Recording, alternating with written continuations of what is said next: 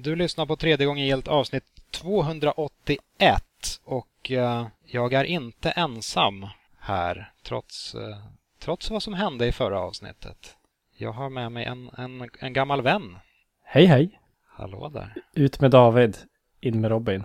Tillbaka till ruta ett kan man säga. Ja, det, det kan man verkligen säga. Det är intressant att jag kommer tillbaka veckan efter David har lämnat med tanke på han kom in när jag lämnade den här på något sätt. Ja, det är någon form av märklig eh, rebound-poddning som pågår här, tror jag. Ja, men lite så ja. Men om jag har, om jag har researchat korrekt så var senaste gången du var med i den här podden någon gång under hösten 2014. Jävlar, är det så länge sedan alltså?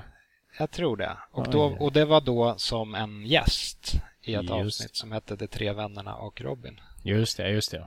Men en gång i tiden så, så var du ju faktiskt eh, poddens eh, stöttepelare, höll jag på att säga. men du, du var en eh, del av, av oss. Ja, när eh, podcasten hette IGN Sveriges podcast. Ja. För väldans många år sedan.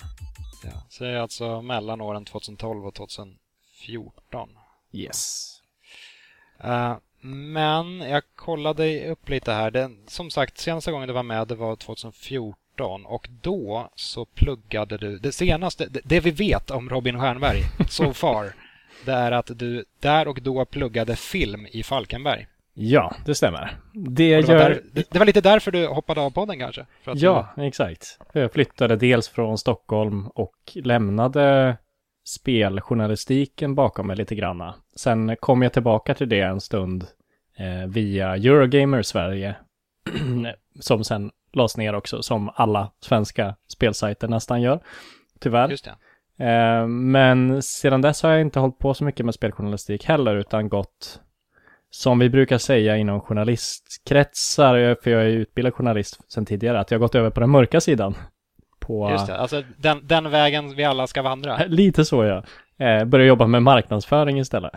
På, för mm. eh, ett spelföretag.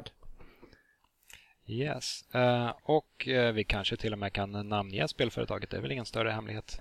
Nej, det är bara att göra reklam rakt igenom. Uh, Thunderful Publishing, vilket är en sammanslagning från början av Soink Games och Immersion Form, alltså utvecklarna av Steamworld-serien, Immersion Form och Soink är väl kanske mest känd för Fe som släpptes av EA. Eh, e ehm, de slog ihop och bildade en, eh, en koncern kan man väl säga och en publisher. Och numera är även vi sammanbakade med Bergsala. Ehm, Nintendo-förläggare? Ja. Eh, så man kan väl säga att jag jobbar på Nintendo om man ska nästan man kan säga att du är nästa Shigeru Miyamoto. Ja, man kan säga det. Hur, hur, kommer du, hur hamnade du där? Hur hamnade du på Thunderfall?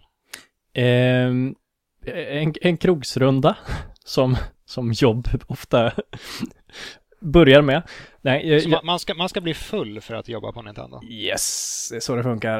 Eh, nej, jag jobbade tidigare på Göteborgs-Posten och kände Brian Eh, som är vd för den här koncernen då. Eh, lite ytligt, dels från speljournalisttiden och sen också när jag jobbade på Göteborgs-Posten och stötte på honom flera gånger på spelrelaterade eh, pub-event runt om i Göteborg under den, den tiden där. Eh, och sen, sen sökte jag helt enkelt bara dit, för jag var väldigt trött på min, eh, mitt arbete på Göteborgs-Posten då. Och de av en händelse behövde någon eh, som, ja, som mig, mer eller mindre. Eh, som kunde lite om video och om en hel del om spel. Så att det funkade ganska bra faktiskt. Och sen här, mm. har varit där sen, blir det, december 2018 tror jag. Inte jättelänge, men eh, en liten stund i alla fall. Mm, ja. Trivs du bra eller är det fullständig katastrof? Ja, det riktigt skitföretag. Nej, eh, jag, jag, trivs bra. Det är, eh, vi är väldigt snabbt eh, växande. Och det är många titlar som, som pumpas ut hela tiden och vi, eh, vi, har jobbat ganska länge för många spel som har släppts nu eller är på väg att släppas snart som eh, flera av oss på företaget brinner väldigt, väldigt mycket för. Mm. bland annat nu i sommar så, för Thunderful är även eh, Rising Star Games är en del av Thunderful, så vi släpper Deadly Premonition 2 nu i juli. Eh, Just ja vilket är ett skitkul spel att jobba på för att det är ju någon slags spel, spelvärldens motsvarighet till The Room, kan man väl säga. Mm. Eh, så det är lite av en kultklassiker. Så där, jag jobbar ju primärt med att göra trailers. Och det är väldigt roligt att göra trailers till Deadly Premonition, för fanbasen är helt bananas eh, på ett väldigt bra sätt. Så att man ser ju på YouTube sådana här halvtimmes långa analyser av varje videoklipp man har gjort. Eh, så att jag har ju kommit in i det där och göra saker bara för att folk ska analysera det och kanske en del missvisningar och en del ordentliga hints om vart storyn är på väg och sådär. Mm. Så det, det är kul. Det... Har, du, har du träffat Swery? Nej, tyvärr inte. Vi skulle styra upp någon sån slags Eh, någon, någon, någon slags videointervju eller så med honom inför det här eh, spelsläppet. Men sen kom ju corona, eh, så det gjorde det svårt att ta sig till, till Japan. Mm. Har du jag träffat honom? Jag har träffat honom, jag har intervjuat honom en gång uh, i, i London och uh, han, han, var jättetrevlig. Mm. Uh, det var dock typ den värsta pressresan jag har varit med om för det blev en enorm snöstorm efteråt, och vilket gjorde att jag blev strandsatt i London över natten. Men eh, så är du själv var väldigt eh, ja, men, vänlig och eh, sympatisk angående det. För jag mm. nämnde det att så här, ja, vi får väl se om, om jag överhuvudtaget kommer hem i, med mitt, min flight, för det, det ser ju inte jättebra ut. Och han sa, ja men hör av dig om, om du inte kommer hem så tar vi en öl. Ja. Eh, men sen... Eh, sen kom hade hem. De, sen hade de dragit vidare dessvärre när, när jag väl hade hittat ett hotell. Och så. Men uh, i alla fall, vilket i och för sig leder mig in på hur, hur, har den, hur har hela coronaperioden varit för dig? Eh, för mig personligen så har det väl inte påverkat jättemycket. Jag har ju jobbat som, skulle väl säga att halva vårt kontor kanske jobbar hemifrån. Eh, lite beroende på hur långt man måste åka för att komma till kontoret. För just kollektivtrafiken är ju kanske inte jättespännande eh, i dessa tider. Men eh, så jag jobbar hemifrån, vilket på gott och ont har lärt mig att det, det går att göra. Men utför vårat, vårat företag har ju eh, klarat sig ganska bra i det. Och det, det kan jag tänka mig att du känner av också kanske, förhoppningsvis, att eh, folk köper ert spel också. Ja, alltså vi har sett vissa, vi har, vissa pikar, mm. alltså inte rakt av så här som bara går att direkt översätta till Corona. Då börjar alla spela 1980X. Men eh, det, har, det har varit en pik i alla fall. Ja. Jag vet inte om den var direkt relaterad till smittan dock. Eh, men det, det, är märkligt att jobba hemifrån. Det gäller att ha, att ha rutiner på något mm. sätt. Så att man inte här, alltid går runt i morgonrock. Ja. Och... Sitter och poddar i bara kallingar. Det låter jag vara osagt just nu. Jag har ju märkt att jag tycker snarare det blir tvärtom. inte det här att okej, okay, nu är det svårt att jobba för jag vill sätta mig och spela tv-spel, utan att det är lätt att falla in att börja jobba även kvällstid eller gå iväg när man kanske inte ska göra det för att kolla någon jobbgrej och fixa mm, saker. Så att man jobbar kanske mer än vad man kanske hade gjort annars. Just för att det är så nära på något sätt till ja, det, gränserna mellan arbete och privatliv suddas ut mer och mer. Ja. ja ett tag så körde jag olika kläder. Så att jag, jag körde liksom ett par, gans, ett, ett, par ganska obekväma byxor när jag jobbade. Och sen när, när det väl blev fritid, då tog, tog jag på mig mjukisbyxorna. Men jag vägrade ha mjukisbyxorna när jag jobbade. Jag ser ju framför mig att du har såna här stripparbyxor som du liksom sliter av så fort klockan slår fem. Jag låter även detta vara osagt. Men, eh, men det är sant. Låt fantasin flöda. Det är korrekt. Uh, jag, jag, har en liten plan här. Jag vet inte riktigt om det är en bra plan, men det är en plan i alla fall. Uh, I och med att David Grundström inte är med oss längre. Uh, han hoppade av i förra avsnittet. Sandra Ferroni går på semester och eh, ja, tar semester från, från poddandet just nu. Jag däremot kommer jobba hela sommaren för att min fru jobbar och då känns det meningslöst att eh, jag har semester. Eh, så jag tänkte att jag, jag vill podda med folk och det är lite därför jag sitter här med dig. För mm. att jag vill, jag vill podda med dig. Eh, och jag hade någon tanke på att så här, kunde man få till någon slags sommarpratkänsla. Men det känns inte riktigt... Det känns att, som att man kräver för mycket av, av folk om, om alla ska förbereda ett mm. Eh, långt sommarprat. Men istället så upptäckte jag att jag hade ett gäng gamla intervjufrågor från, från tiden som vi gjorde speltidningen Level. Då hade vi en, eh, ett, ett segment i tidningen eh, där spelutvecklare eh, fick svara på samma, samma frågor. Jag kommer inte ihåg vad sidan hette. Den hette något fyndigt säkert. Men jag, jag gillade att ha med de frågorna när jag intervjuade spelutvecklare även när det inte gällde just den sidan. För det var, det var lite sköna frågor att falla tillbaka på om, mm. om de var riktigt träiga jävlar. Uh, och du är ju inte en träig jävel, så det här ska väl gå alldeles utmärkt. Men jag tänkte helt enkelt att man applicerar dessa frågor på dig och även framtida sommargäster. Just det, spännande. Och så får vi se hur det går.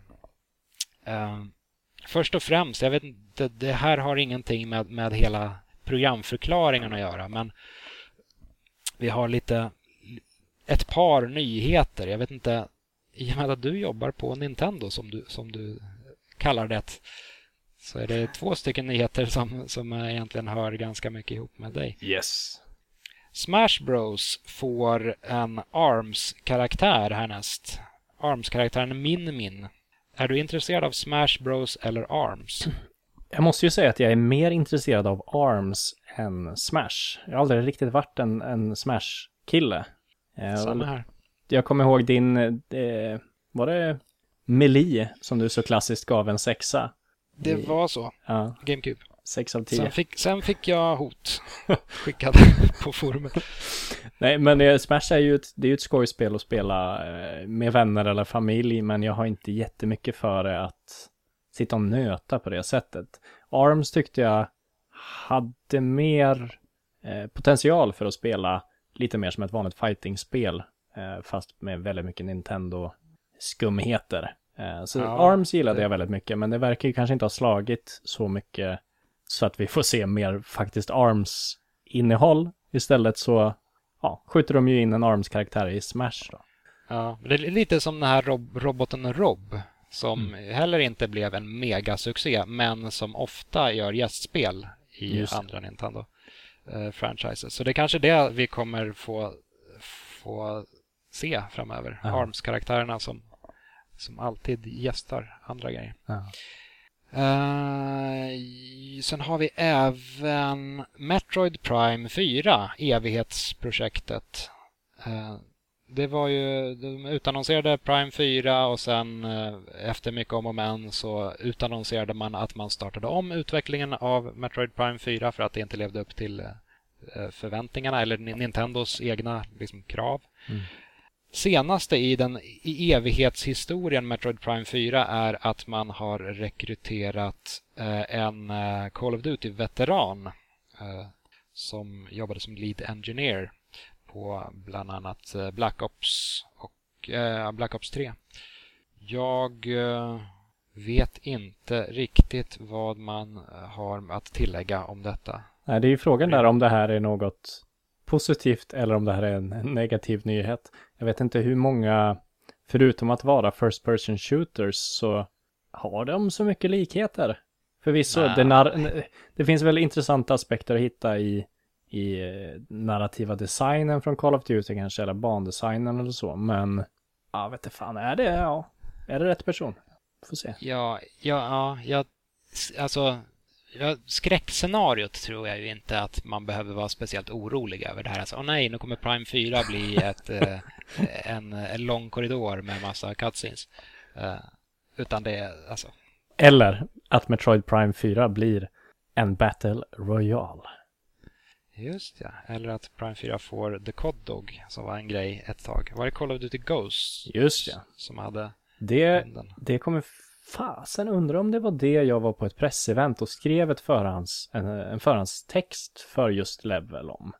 Och jag kommer ihåg att de pushade så otroligt mycket. Du måste inkludera hundarna. Att det här, ja. det här är ju, it's a big leap for the series. Någonting i de eh, ordalagen. Och jag kände att det, det är bara en jävla hund. med, facit, med facit i handen, eh, inte jättespektakulär hund. Mm. Oh, har du kört, på tal om hund, har du kört eh, The Last of Us Part 2 än? Ja, jag håller på med det eh, just nu. Ja, är inte, inte klar med det? Nej, eh, jag har väl kommit kanske en 13-14 timmar in tror jag.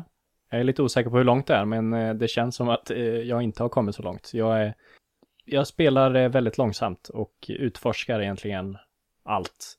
Så jag Ja. antar att det är 400-500 timmar långt i den här takten. Ja, men det, det är ett spel som lämpar sig för att spelas långsamt också. Eh, spelade du igenom ettan? Ja. Det, ja. Eh, man kan, ja, två, jag, har, jag har inga exakta siffror på det, men eh, jag skulle säga att tvåan kanske är jämförbar med ettan i längd. Just det, just det. Ja. Eller kanske i känsla av att det är lite, lite för långt. Ja, det är lite det, det, det jag känner just nu. Att det, det gör väldigt, väldigt mycket rätt. Eh, Ja.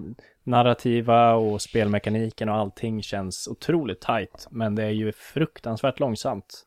Ja. Eh, och väldigt, det är väldigt långa partier innan det kommer någon slags story-fortsättning hela tiden. Eh, så att jag förstår vad de försöker göra med att berätta om Ellie, huvudkaraktären, via gameplay-mekaniken, vilket är väldigt intressant. Men efter ett tag så blir jag lite less på de här 15-20 soldaterna eller zombiesarna som kommer. Och sen får du komma till nästa rum och så händer samma sak igen. Men eh, Mm. det är väl just därför man inte ska eh, spela det dygnet runt kanske. Nej, nej, men det, så här, de, det är väldigt bra, men jag undrar lite om, om man verkligen hade behövt alla dessa speltimmar för att eh, göra sin poäng. Eller om man hade kunnat skala av en 20 procent och ändå kommit fram till samma, samma slutsats på något sätt i Ja. spelet. Ja. Eh, Men som sagt, vi har lite frågor till dig här Ooh. om vi, om vi ska köra helt enkelt. Ja. Det här är ju väldigt spännande för jag kan tänka mig att jag har säkert ställt en hel del av de här frågorna också till andra Mm. utvecklare. För jag, jag utgår ju från att det är de här standardfrågorna som alla egentligen ställer. Ja, lite granna. Ja. Vi, man får nog modifiera lite här. Till exempel frågan om du fick ändra en enda sak i ett av dina spel, vad skulle det vara? vi, vi plockar bort den. Ja, den, den blir svår att applicera tror jag. Ja. Eh, vi börjar från början. Robin Stjernberg, vad är ditt första spelminne?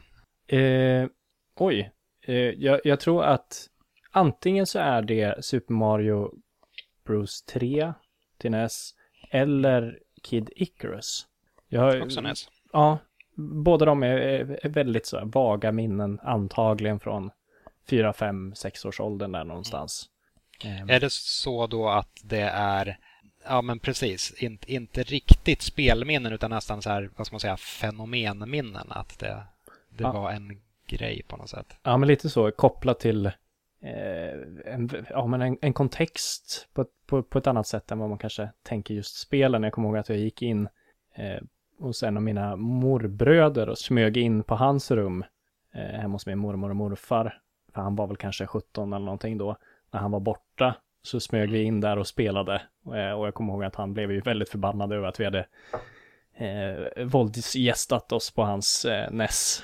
Eh, så att ja, lite tabu sådär också, vilket är ju gött. Ja. Men det är ändå så pass, eh, du var så pass, vad ska man säga, vuxen och fingerfärdig att du faktiskt spelade Mario 3. Ja, men det, det tror jag nog.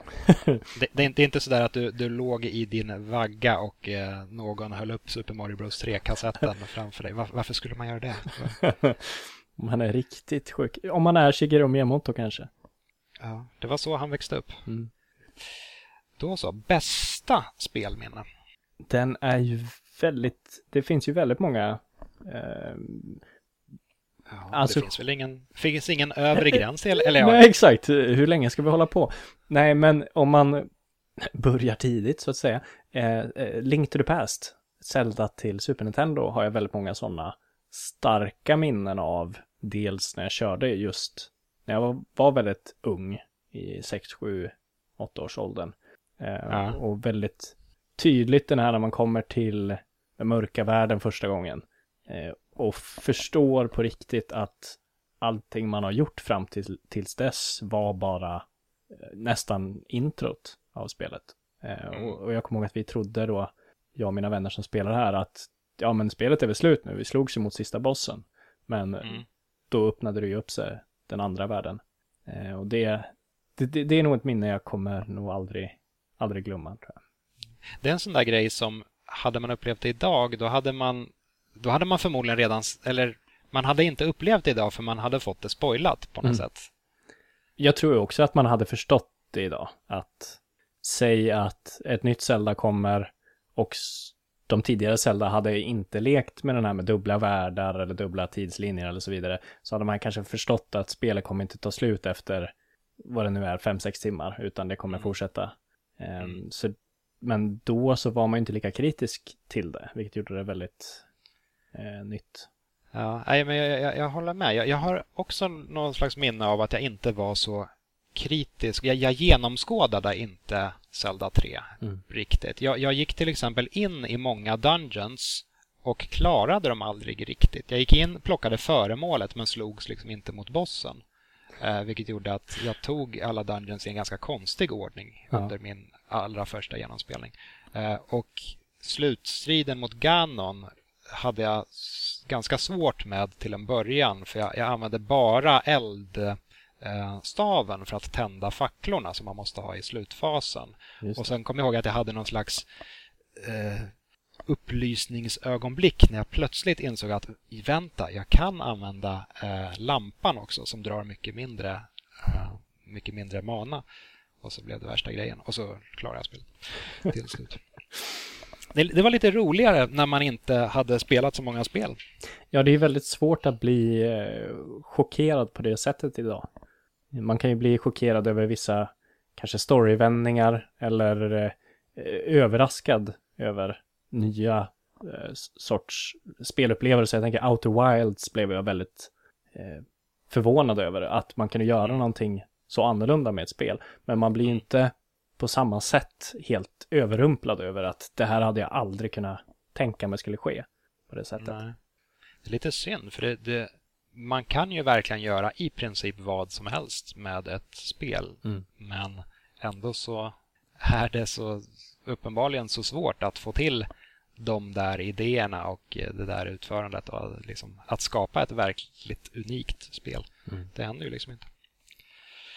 Vilket var det första spelet du köpte? Som jag köpte med egna pengar. Ja. Eh, jag skulle tro att det var... Fasen hette det? Eh, jag tror det heter Rise of the Robots till Playstation 1. Nej, men fy helvete. En riktig kvalitets uh, fighting-spel. Nej, fy fan, vilket Nej, men skitspel. vänta nu. Ja, nu blir jag riktigt deprimerad. Så det först, allra första spelet du köpte, det var... Fy. Ja. Det, det, jag kommer ihåg redan då att jag kände att det här var eh, bortkastad veckopeng. Mm.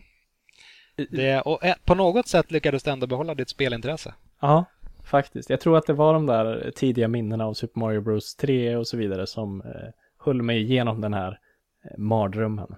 Något sätt. Ja. Klarade du någonsin Rise of the Robots? Nej, för fan.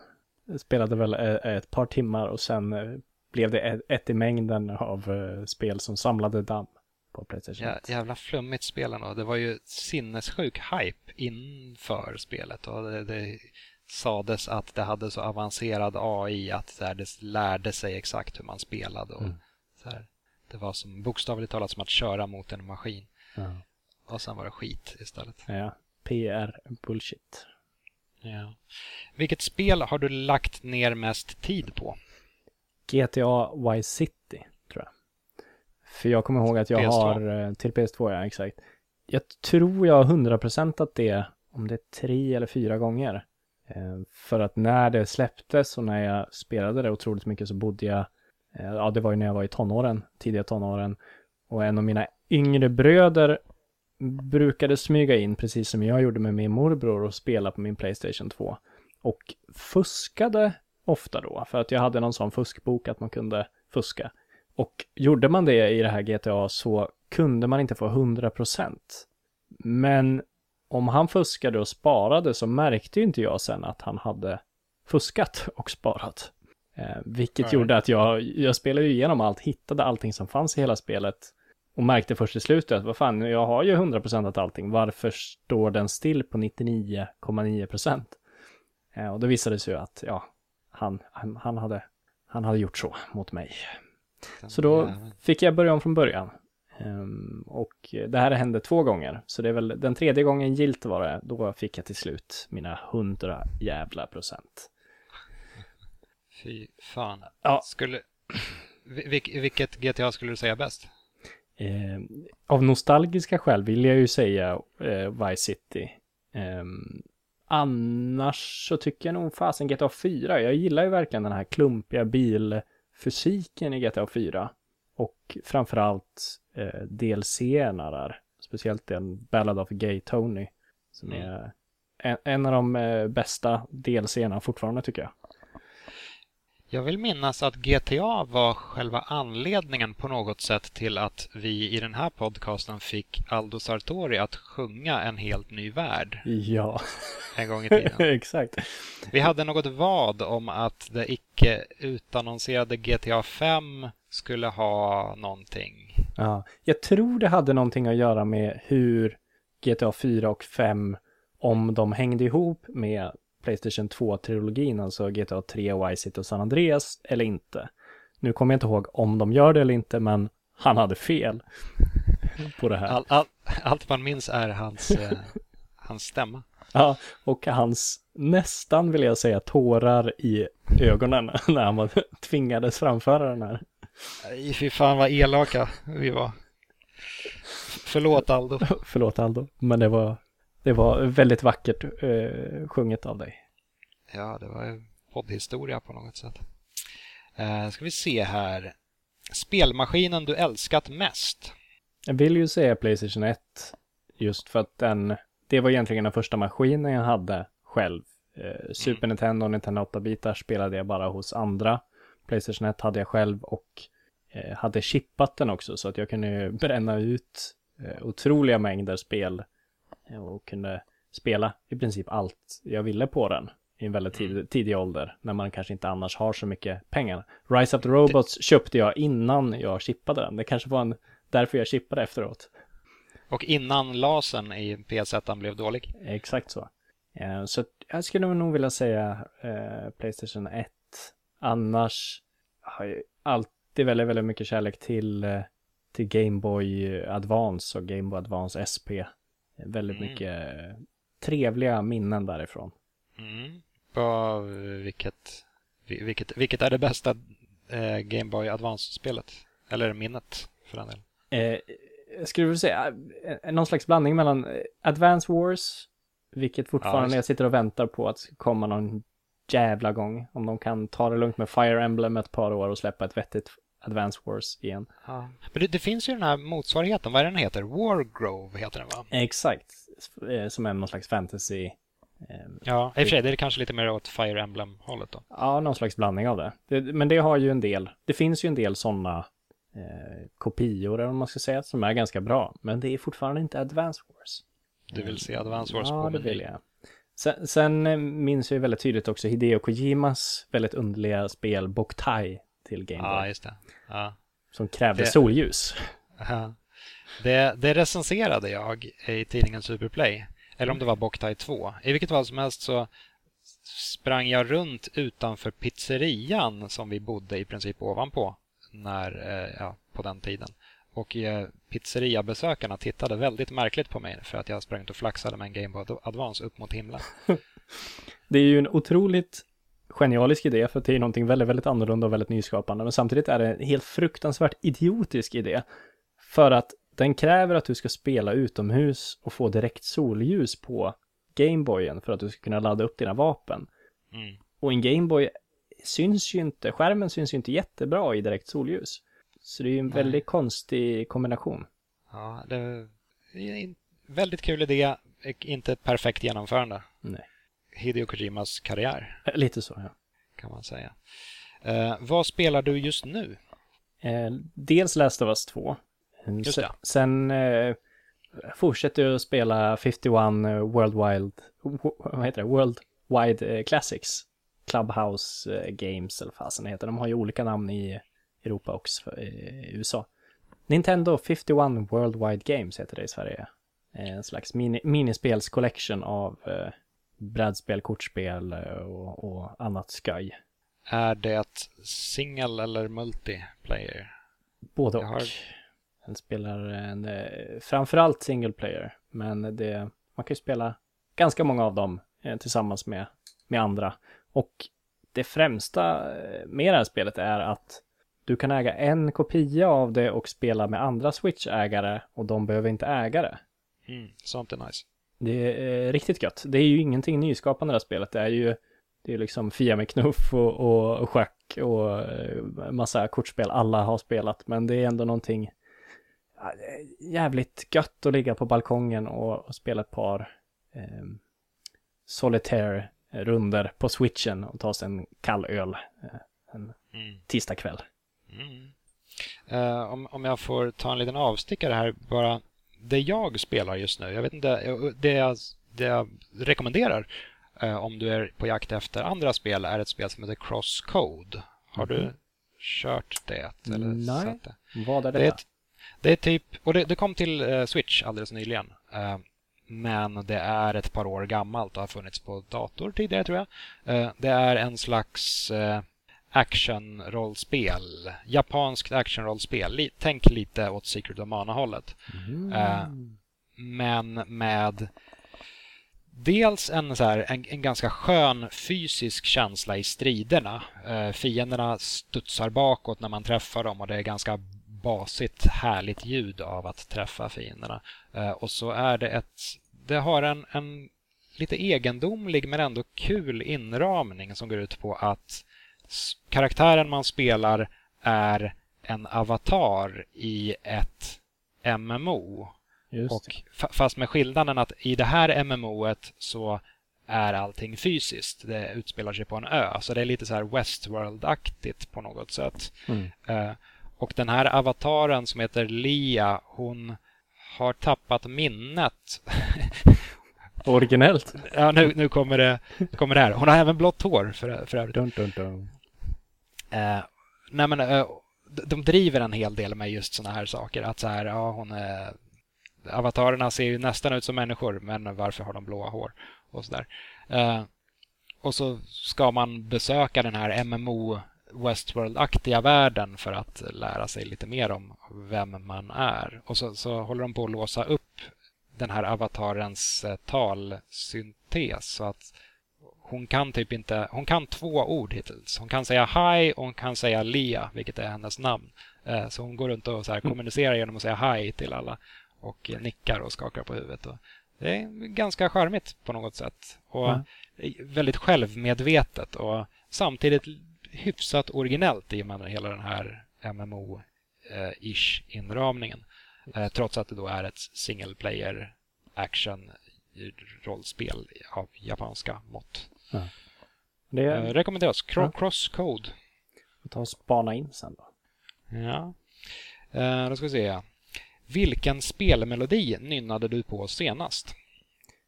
Jag tror att det var slut, eh, eller vad säger jag, eh, stridsvinnarlåten i Final Fantasy 7. Du, du, du, du, du, du, du, du. Just det. Och eh, var, varför jag, gör du så? Jag vill ju säga att det är kopplat till någonting, att övervinna något i livet.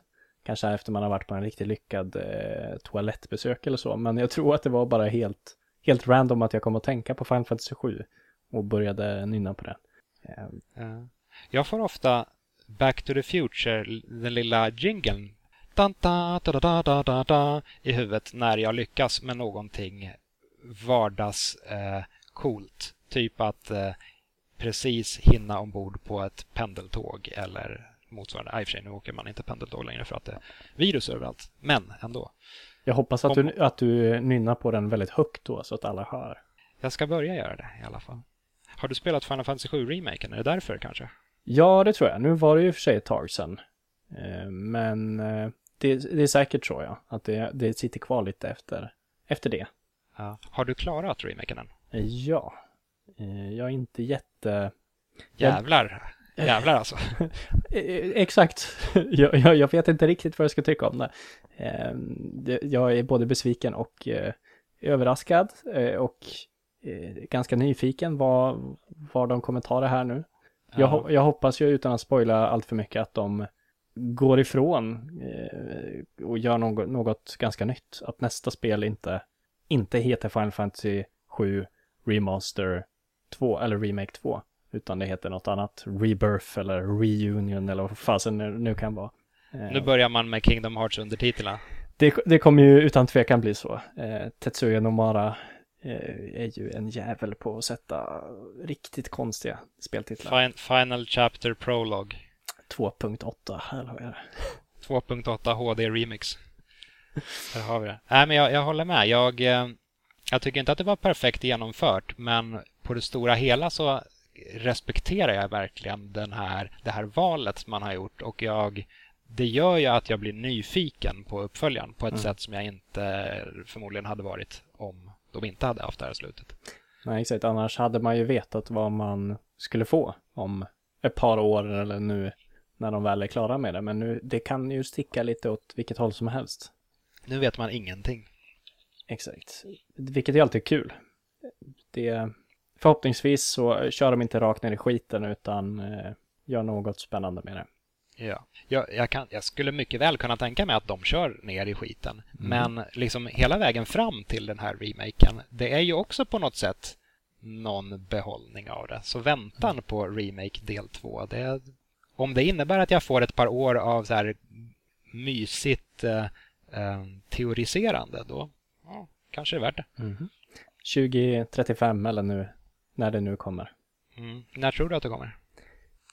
Jag har ju en, en, en förhoppning om att det kommer hyfsat snart ändå. Jag tänker att de, det här låter ju de portionera upp det på ett annat sätt än att, okej, nästa del ska vara si och så mycket av originalspelet. Här kan de ju faktiskt lägga ut det, att okej, nu ska vi ha 20 timmars story och gameplay. Då tar vi de här platserna eh, och gör dem lika detaljerat som Midgar var. Vilket skulle kunna leda till att vi kanske ser det om två år, 2022, hösten Mm. där någon gång. Eh, skulle ju kännas hyfsat realistiskt. Man får ju inte glömma att många anledningar varför det här tog så jävla lång tid var ju för att de startade om produktionen x antal gånger och eh, ja, det har väl inte varit den, den smidigaste utvecklingen. Nej. CyberConnect var inblandad ett tag. Jag vet inte hur mycket av deras arbete som de faktiskt använde sen i slutändan. Hur mycket som kasserades. Ja, men 2022, det låter som en rimlig tidsram ändå. Det skulle också låta dem släppa Final Fantasy 7 eh, re- remastern nästa år på PS5 och Xbox Series X som någon slags upphottade varianter inför det. Så det är lite extra kaching i kassan för Square. Då hoppar vi tillbaka in i frågorna här. Eh, hmm. Spelutvecklare du ser upp till? Thunderful Den- Publishing. Nej. Aha. Det här kan väl vara både företag och eh, personer och det, det, frågan i sig är ju lite vinklad just mot eller den är tänkt att ställas till spelutvecklare själv. Men det går nog ändå att få in på något sätt. Jo, vad fan, det finns väl någon spelutvecklare man ser upp till. ja, Eller? Alltså jag blev ju väldigt, jag nämnde ju det tidigare, Outer Wilds. Eh, Mm. och det är väl det spelet som jag har blivit mest berörd och på något sätt uppskattat mest de senaste kanske, jag vet inte, tio åren. Ehm, så att jag skulle väl vilja säga Mobius Digital som är utvecklande där. Eh, och framförallt, hur tusan han heter nu, Andrew Fr- Fra Fralov, tror jag han heter. eh, som är skaparen bakom spelet. Som ändå gör någonting, någonting nytt. Ja, men exakt. Det, det, det finns ju någonting gött i alla de här ständiga eh, AAA-titlarna som ger en lite vad man förväntar sig och kanske ibland skruvar till det något, lite som Last of Us 2 gör. De säger någonting nytt men ändå inte helt nytt. Mm. Eh, men det är ju gött med något som nästan är helt, något helt nytt eller som verkligen utnyttjar spelmediet på ett sätt som de flesta spel inte gör. Ehm, Sen är jag ju, jag ser väldigt mycket upp till eh, skaparen av Stardew Valley. Just för att det är jävla one person army som skapade det, det spelet. Mm. Och det, där har vi ett spel jag har lagt otaligt antal timmar i. Ehm, Så att mycket cred till en enskild person att skapa något sånt. Ja. Sen är det ju det, det är både lite beklämmande och lite inspirerande på något sätt Mm. att, se, att se att man kan ta en idé så i princip rakt av. För Stardew Valley är ju Det det hade ju inte existerat. Ja, det hade inte existerat om inte Harvest Moon hade existerat. Men då börjar man fundera lite på finns det andra spelkoncept som liksom är lite småsömniga men som hade något eh, coolt spel back in the days som man Ja. skulle kunna bara så här mer eller mindre kopiera och eh, casha in på. Ja, det är väl svårt där. Jag tänkte ju lite på just Advance Wars. Men där har det ju redan dykt upp ett par eh, vettiga kopior. Men eh, Ja. det har ju inte den... Jag tror att det finns ju något med de gamla Harvest Moon som många uppskattar. Vilket gjorde ju att Stardew Valley hamnade väldigt, väldigt rätt. Eh, Medan Advance Wars var ju otroligt mycket mer nischat.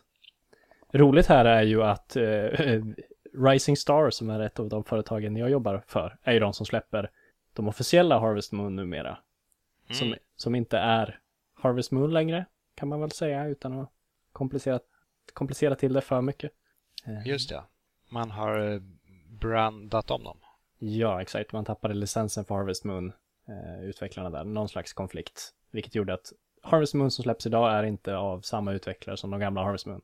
Vilket förklarar varför de är lite, eh, de kanske inte riktigt lyckas leva upp till den standarden. Uh, du, du, du. Vi, ja, okej. Det, här, det här är ett gränsfall på om frågan går att använda, men jag kör den ändå. Vad fan. Det här är... Jag får göra vad jag vill. Det här är min podcast. Uh, vilket spel önskar du att du hade gjort själv? Resident Evil 2. Oh. För då vore jag alltså nio år när jag utvecklade. Fy fan vad coolt det hade varit. nio år. Ja, det är faktiskt coolare än Hideki Kamiya. Japp. Nej. Sen, man ska ju vara försiktig då, för Resident Evil 2 utvecklades ju tydligen under eh, bedrövliga förhållanden. Ja. Eller det gjorde det väl i alla spelklassiker. Men eh, det finns ju massa intervjucitat med just eh, Kamiya när han snackar om att han, han blev så stressad att han, bara, han var tvungen att dricka alkohol för att sova varje kväll och han, så här, han började eh, kräkas blod när han var på en restaurang och eh, fick åka in på akuten och eh, Åh fy fan. sådär. Eh, under Men- lugnare förhållanden så hade jag tagit det spelet. Då. Ja, en nioårig Robin Stjernberg hade tagit det lite lugnare. Jag sitter och kräks och dricker alkohol. En bra start på livet. Eh, vad spelar du tillsammans med dina vänner? Super Mario Party till Switch. Skulle jag säga är det som har gått eh, varmast eh, på det, den lokala plan.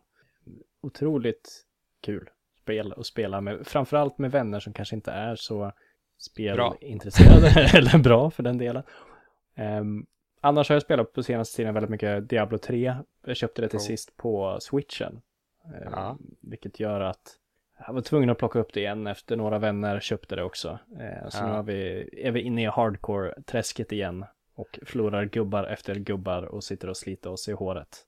Ja, alltså det, det jag ska göra efter den här podcastinspelningen det är att spela Diablo 3 med ett gäng vänner.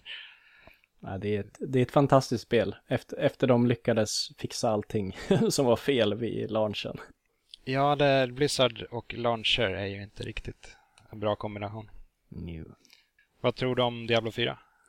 Det ser ju vackert ut. Men eh, precis som du sa, det är Blizzard och launcher går inte riktigt hand i hand. Så att jag räknar ju med att ett år efter launchen kanske så kommer det vara ett helt fantastiskt spel. Men fram till dess så onekligen så kommer det finnas väldigt många problem med det.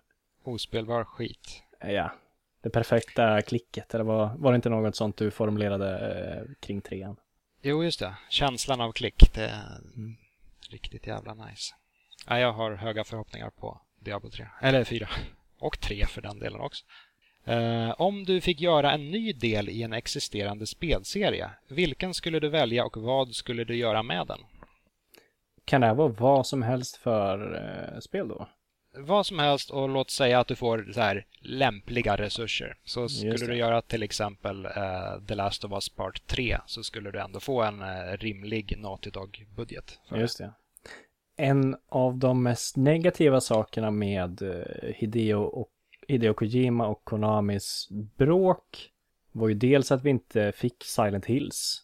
Mm. PT det är någon slags demot för Silent Hills. var ju väldigt intressant och spännande när det väl begav sig. Mm. Och det här bråket ledde ju till att han lämnade företaget och vi aldrig fick se det. Och de lär ju bara göra Pachinko-maskiner av Silent Hill i resten av all evighet. Så jag skulle ju vilja säga det. Sen också skulle jag vilja se en ordentlig, ordentligt avslut på Metal Gear Solid-serien. Femman försökte ju göra det, men eh, den bryggade ju inte riktigt storyn från Big Boss till storyn från eh, till Solid Snake. Det finns ju ändå en viss eh, ett, ett visst parti där någonstans jag tycker man hade kunnat utforska som jag hade hoppats att femman skulle brygga över men det aldrig gjorde riktigt. jag, jag blev väldigt peppad på den idén att göra en, ett, ett faktiskt Metal Gear Solid 6 då. Uh, för det skulle ju då innebära att på något jävla vänster så har man lyckats övertala Konami att jo, det är jag som ska göra det här. Det är jag som ska driva det här i mål. eh, ni får fan sätta mitt namn eh, på förpackningen. Liksom i ditt fall då Robin Stjernberg Game, game eh, Metal Gear Solid 6. Liksom, Metal Gear-fansen skulle gå fullständigt bananas. Yeah. Hideo Kojima själv skulle också gå fullständigt bananas. Alla skulle ju ja, i taket. Det, det, det är ingen lyckad idé det här, men det hade varit en jävligt rolig idé. Jag tror på idén. Ja, det, det, det finns något där. Och det är framförallt ur ett rent egoistiskt perspektiv. Om man kommer ihåg Metal Gear Solid 5 så dök ju Hideo Kojimans namn upp i princip var tredje minut under hela spelet. Så att det är väldigt mycket ego-boost att göra ett MGS på det sättet. Ja, om det inte blir fullständigt förkrossande för att mm, liksom alla Hideo Kojima fans kommer ju fullständigt hata en för resten av ens liv. Det, är då... det, det, det, det, är han som, det var han som dödade Metal Gear. Men de minns ändå i alla fall. Ja, det är sant. Det, då har man, har man levt. Man har gjort Det är nog ett, ett, av de mer effektiva sätten att skriva in sig själv i spelhistorien. Mm. Med stora, feta jävla versaler. Uh, vilket spel är ditt guilty pleasure? Jag har ju en del sådana eh, mobilspels spel som inte är de, de, som gammal speljournalist och numera jobbar inom tv-spel så skäms man ju lite över att, att spela den här typen av Candy Crush-spel. Eh, mm. Just nu spelar jag väldigt mycket ett spel som heter Shop Titans som verkligen är ett sånt du, du klickar för att ja, bygga någon slags rustningar och grejer till din butik och sen får du vänta som alla mobilspel. Men det finns ändå någonting, eh, ja, någonting lite gött med det. Någonting som ligger och tuggar och väntar på en. Så man vet att så fort jag öppnar telefonen och det här spelet så, nej, det här svärdet nu, det, det har väntat på mig. Nu, nu är det färdigt. Är det snyggt eller har det bra musik eller har det liksom, Nej. har det något? Nej, ingenting av det. Det har ingenting? Nej. Det är helt poänglöst egentligen. Men eh, det, det, är ändå någonting gött med det. Jag tror att det, ja. finns, det finns ju många som spelar just den här typen av, du, du bygger no något, sen väntar du ett dygn eller två på att mm. få någon, någon, slags reward. Eh, och nej, det, det, det är skitspel. det fanns ett gammalt spel som, som vi spelade i datasalarna på eh, gymnasiet som heter Archmage. Mage. Archmage. Uh, som var just det. Man bygger någon liten grej och sen får man vänta i ett dygn och så bygger man en liten till grej. Uh, och så var det browserbaserat. Mm. Det var ganska kul. Mm. Du, vet, så, du vet hur det är. Det är bara att skaffa Shop Titan så är du tillbaka där. Jag vill inte. Jag ska inte. Vilket spel har fått dig att slänga handkontrollen i väggen? Uh, ganska många spel skulle jag säga. jag är ganska dålig, dålig förlorare när det kommer tv-spel och stundtals har väldigt eh, dåligt tålamod. Eh, alla from software-spel, mer eller mindre. Ja. Vilket spel har fått dig att slänga handkontrollen hårdast i väggen om vi säger så? Då? Mm. Jag vill nog säga Demon Souls tror jag. För när, när Demon Souls kom till Playstation 3 så det var ju det första spelet i serien och jag på något sätt visste inte riktigt att det var så här det skulle vara. Eh, Mm. Det var inte meningen, trodde Nej, jag precis. då, att det var, skulle vara helt jävla omöjligt och att man skulle eh, liksom bli tvungen att få någon slags muskelminne av det här. Ja, Eh, nu, för, nu för tiden så är alla From Software-spel lite så att man vet vad man ger sig in på. Det, det är nästan så här, när man dör tio gånger i rad, då skrattar man lite åt det. Ja. Så här, Haha, ja, nu, är, nu spelar jag allt ett riktigt From Software-spel här. Ja men exakt. Men Demon Souls, då visste man inte riktigt det. Man trodde att, ja men det här är ett mörkt och eh, gotiskt och lite annorlunda äventyrsspel. ja. Och sen eh, har man spelat en timme och så möter på en jävla fiende som hugger en i ryggen och man dör direkt och förlorar allting man har gjort. Det, det väcker ju en del frustration om man inte Ja. förväntar sig det. Är du peppad på, upp, eller inte uppföljaren, vad säger jag, remaken till PS5? Faktiskt. Jag, eh, jag gillar ju alla From Software-spel, men jag har inte riktigt fastnat för dem på samma sätt som många av de rabiata fansen har gjort. Men Demon Souls ligger väldigt nära hjärtat just för att ja det, ja, det var det första spelet i serien jag körde och jag tror det är det jag har kört mest av dem också. Ehm, så att ja, det blir spännande att se vad de gör med det. Den studion, vad är de heter, Bluepoint, eh, är Just ju det. väldigt duktiga. De gjorde ju Shadow of the Colossus Mm. eh, upphottningen och så. Så att jag tror att det kan, eh, det kan nog bli bra. Mm. Jag har aldrig spelat Demon's Souls, Ooh. så jag, jag kommer definitivt köra det. Men av någon anledning så körde jag det inte när det begav sig och när jag väl blev inne på den typen av From Software eh, mörker, då, då kändes det lite för sent. För då hade jag redan packat undan min PS3. Ja, det känns som de Eh. flesta kom in just med Dark Souls i serien. Mm. Ja, jag spelade lite Dark Souls när det väl begav sig, men framförallt var det Bloodborne som öppnade mina ögon. Just det. Här frågan gillar jag. Vilket spel har fått dig att gråta? Eh, väldigt många spel, skulle jag säga. Jag, jag är, är, är en sucker för, för både filmer och spel. Eh, jag har väldigt lätt att gråta när det kommer till eh, fiktiva berättelser. Det är ju härligt. Ja, det är gött. Det, då kan man få utlopp för den här frustrationen man inte kan få utlopp för i, i verkligheten, så att säga. Eh, det, första Last of Us, absolut. Dels introt. Introt. Ja, det är en Ja, jävla kniv i hjärtat direkt. Ja, fy fan. Sjukt effektivt. Ja. Last of Us 2 är inte lika effektivt vad, vad gäller introt. Nej, jag tycker inte det. Och även den här, nu ska vi kanske inte spoila även om det är hyfsat tidigt i spelet, men det händer ju en, en, en ganska sjuk grej ett par timmar in. Men det var ändå på något sätt lite väntat, tycker jag. Um, Final Fantasy 7 såklart. Mm. Klassiskt svar på något sätt, att Ares, Ares död. Mm. Spoiler alert. Ja, 23 år senare, eller vad blir det? Ja. Sen, ja, nu kan jag inte komma på några fler på, på rak arm så. Journey kommer jag ihåg att jag satt tårögd i slutet. Eh, Och det, Ja. där finns det ju ingenting, det är ju ingen narrativ upplevelse på det sättet, men det, det skakar ändå om en på något sätt. Ja. ja, men det är det att det är så vackert på något sätt. Mm. Så att, ja, det är de jag kommer på just nu. Ja, åtminstone. Men eh, jag har nog lipat för eh, ta mig fan till och med te- Tetris ska du se. Så att, Det var, det var så vackert när i-biten föll på plats.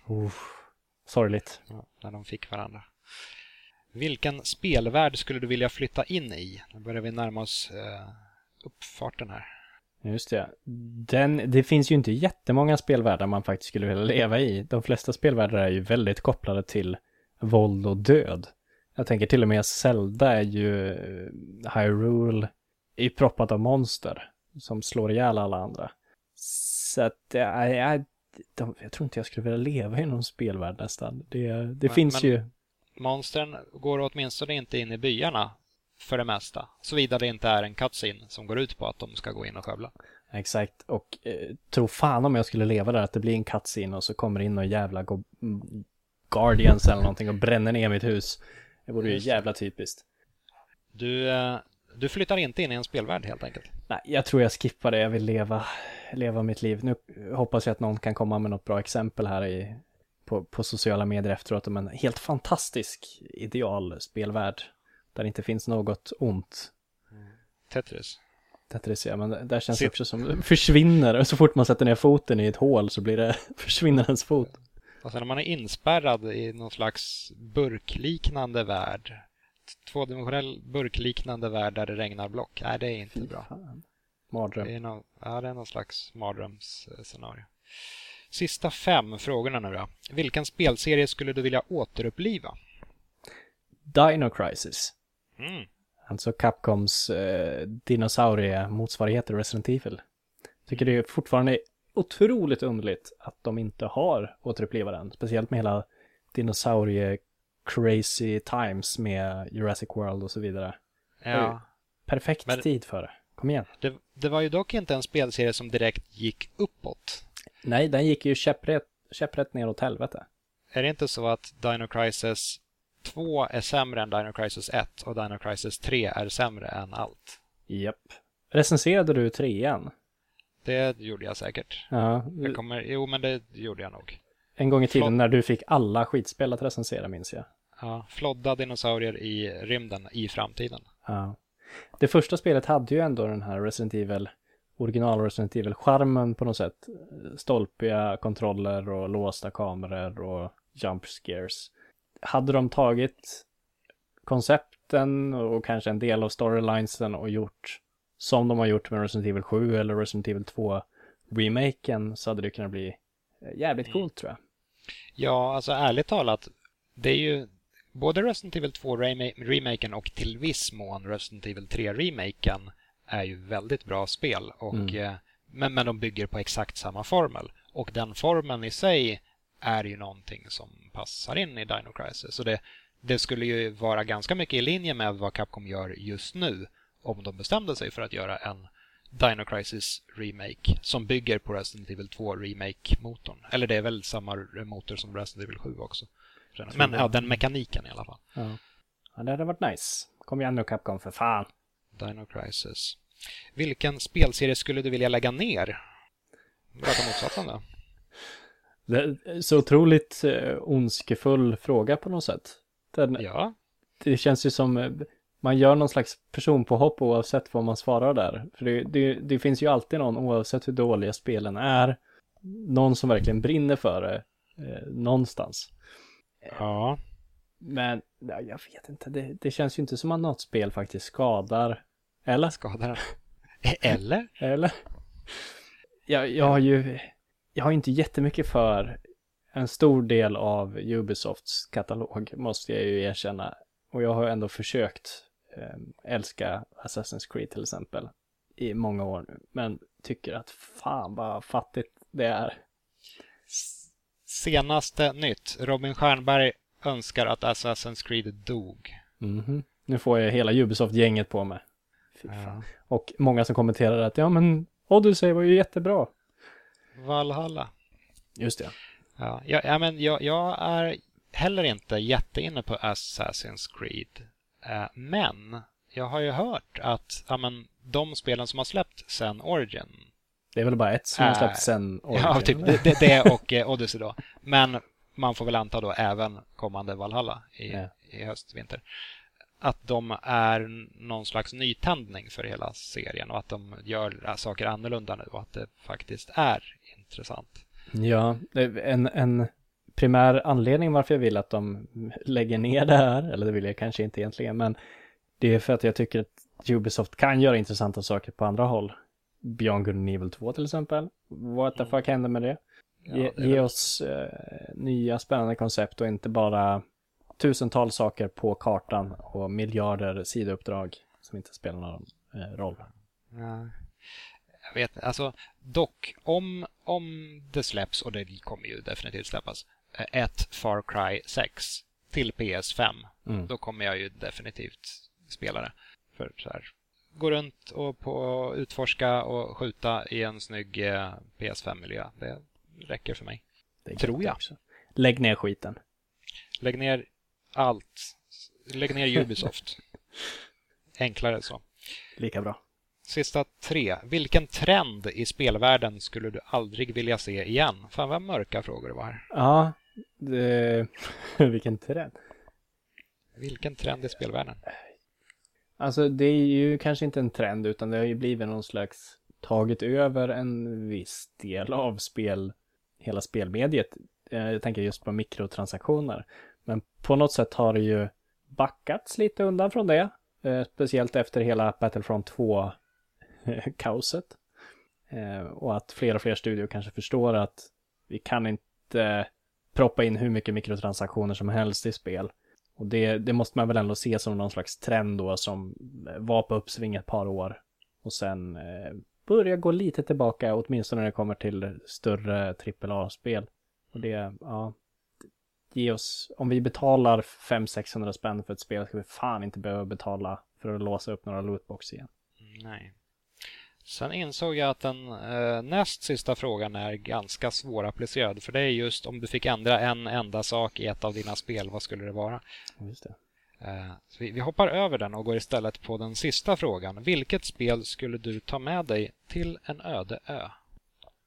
Då skulle man ju vilja... eh, Det är ju jävligt konstigt för att finns det el på den här ön? Eh, det finns tillräckligt med el för att driva ett spel. Just det. Någon, nå- det, det är ganska konstigt kopplat det här. Du kan inte koppla om det och driva, säg, en lampa. Nej. Men en spelkonsol och, och en tv då kanske? Ja, en måttligt stor TV. Ja. Säg, 14 tum. nej, 46. Perfekt. Nej, jag tänker ju att man vill ha ett spel som har otrolig livslängd då. Kan man ta ett MMO? Har, har vi internet på den här? Det är frågan alltså. Eh, men det får man väl anta då. Ja. Jag tänker om man tar, då kan man ju även lösa den problematiken. Jag tar World of Warcraft då säger vi, för då skulle man kunna be om hjälp via eh, spelet. Försöka kommunicera med andra människor. Ja. Jag tror dock att hela premissen går ut på att det är en öde ö så här mitt ute i ingenstans och du vet inte om vart den är. Så du kommer bli känd som den här galna personen som sitter och säger jag är fast på en öde ö. Men det finns här, inga, inga som helst belägg för detta. Det är ju någonting spännande det också. Och jag Ja. tänker också, jag har själv aldrig fastnat i den eh, typen av MMO-träsk och lagt eh, miljarder timmar på det. Men uppenbarligen så är det ju ganska lätt att fastna där. Och är jag på en öde ö, why not? Ska jag någon gång bli eh, bäst i världen på ett MMO så är det väl fan om jag sitter på en öde ö, tänker jag. Ja. Eh, som, som sagt, jag, jag, jag tror inte att du kommer lyckas få någon hjälp. Utan du, du, du kommer nog du kommer dö på den här ön. Ja, Men-. Men du kommer få spela ja, World of Warcraft då. Mm. Hela vägen in i det sista. Ja. Jävlar vilken bra liten ork jag skulle kunna göra på den tiden. Ja visst, det är massor med levels och sånt. Så, eh, det, var, eh, det var alla frågorna. Nu vet vi allt om dig. Ja. Perfekt. Ehm, har du någonting du vill tillägga till ditt försvar? Ja, förlåt alla. Det är väl typ det. Det är okej. Det är okej. Tack. Tack Viktor. Tack eh, själv för att du ville vara med. Ja, det var spännande. Ja, trev- trevligt att eh, höra av dig igen med tanke på att vi ändå poddade tillsammans i eh, ett, ja, vad var det nu 68 avsnitt. Ja. Eller ja, inte exakt 68 avsnitt för ibland var du borta, ibland var jag borta. Men under en Säg, 60. säg 60. Så är vi jämnt ute. Avrunda till 60. Jättebra. Får vi hoppas att du är med i podden igen. Ja, Det syns om fem år då, eller vad blir det? Nej men precis. Li- lite tidigare än så får du gärna eh, hoppa in. Eller du får hoppa in precis när du vill. Naturligtvis. Tack. Tack Viktor. Ja. Vart hittar man dig om eh, man är på jakt efter dig på internet? Eh, man kan följa mig på, på Twitter eller skriva till mig lite hej hej. Eh, ro- at Robin Stjernberg. Eh, det är väl primärt där skulle jag tro. Robinstjernberg.se Som en gång i tiden ryckte åt mig snabbt som fan för det finns ju en Melodifestivalen och Idolvinnare som delar mitt namn. Just det. Men- Är han känd fortfarande? Det vet jag fan. Det var ju en grej när vi faktiskt gjorde podden för sex år sedan. Ja. Eh, Men har, har han upphört att vara relevant? Jag tror det. Jag har inte hört så mycket om eller från honom sedan dess. Eller hans fans som en gång i tiden ringde mig mitt i natten och skrek. Ehm, så att jag tror och hoppas att han eh, har lagt sin karriär på hyllan och blir, jag vet inte, elektriker eller något istället som inte, inte har en, en, en folksamling av eh, 13-14-åriga fans som eh, skriker och är hysteriska. En rätt cool elektriker annars. Ja, det är jävligt coolt. Ja, men du reclaimade ditt, eh, ditt namn. Det, det respekteras. Yes. Ja. Uh, jag heter att Viktor underscore på uh, Twitter. Det blir, inte, det blir inte bättre än så. Uh, sen finns det ett Instagramkonto till den här podcasten också. Den heter uh, Tredje Gangen podd på Instagram. Om du vill titta där. Och med det sagt så tackar vi och bockar. Ha det bra. Hej hej.